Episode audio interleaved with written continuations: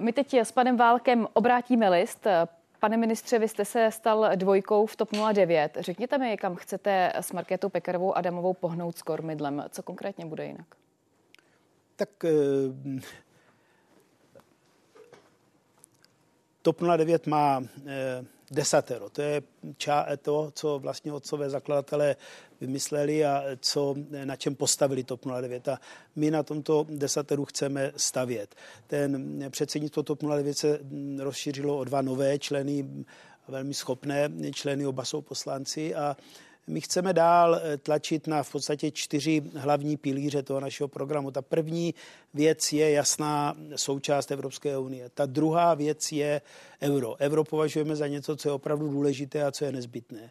A ta třetí věc, a ta souvisí s mým rezortem, je rozpočtová zodpovědnost. Prostě stát si nemůže dovolit dlouhodobě vydávat víc, než na co má. Pře my se nebavíme o dluhu, ale o splátce úroku z toho dluhu. Takže zkrát, Tady my jsme v tomto směru. Zkrátka nic nového. Vy tedy budete pokračovat v tom, eh, s čím TOP 09 přišla na politickou scénu, přestože podle posledního průzkumu by se TOP 09 nedostala do sněmovny?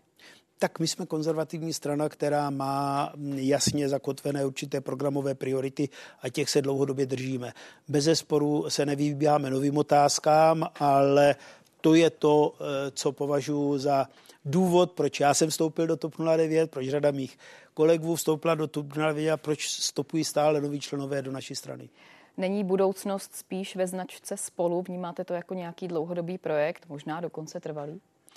Já jsem vždycky považoval projekt Koalice spolu za dlouhodobý projekt. Možná i to je jeden z důvodů, proč jsem se stal eh, prvním místo předsedou a proč jsem získal podporu členů, ale eh, já se domnívám, že projekt Koalice spolu je dlouhodobý projekt eh, řady politiků v našich, v našich třech stranách, protože Obecně jsme strany, které jsou konzervativní, které jsou spíše pravicové, přesto liberální, které chtějí Evropskou unii, které chtějí být součástí Evropy, součástí na to máme řadu věcí, která nás spojuje, na kterých se shodujeme a jsme strany, které vnímají, že stát eh, by měl minimálně obtěžovat občana, neměl by se mu, pokud to není nezbytně nutné, plést do života a pouze v situaci, kdy se dostane do neřešitelné situace, tak být na pomoci a pomáhat. My jsme strany, které dlouhodobě chtějí být velmi rozpočtově zodpovědné a dělají proto cokoliv a jsme strany, pro které je populismus cizí slovo, které nepoužíváme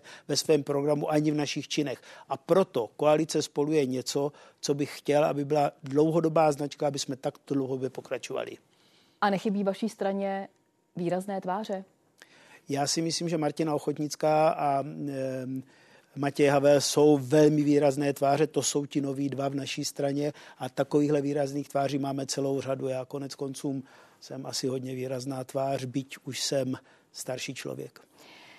Karel Schwarzenberg, na závěr, pane ministře, můžete vzpomenout na nějaký moment, který se vám třeba vybaví, když se na něj vzpomenete?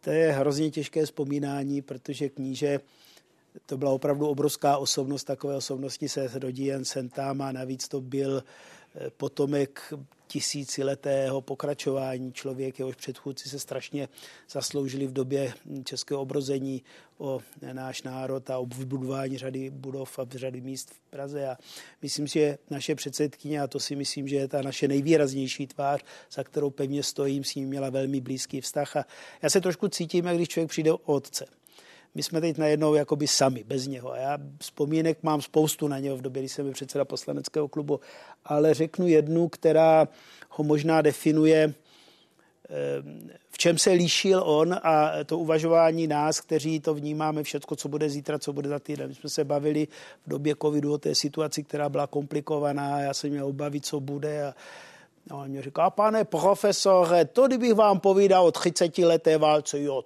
to bylo zlé. A člověk si najednou uvědomil, že vlastně ta naše odpovědnost není jenom za to, co bude zítra, co bude příští rok, ale že ta naše odpovědnost, byť jsme v té politice krátce a byť ta vláda trvá jenom čtyři roky, je za to, co bude za pět let, za deset let, za dvacet let. A kníže, mm, eh, sedmý kníže ze Schwarzenberku Karel, eh, tak to uvažoval. On se opravdu na to díval a je to dáno možná tím, že je to rod eh, na tom dívá v tom dlouhém horizontu. Byť řešil ty krátkodobé věci, ale přesto ten dlouhý horizont pro něho byl důležitý. A to je něco, co si budu vždycky pamatovat a vždycky to mám tady.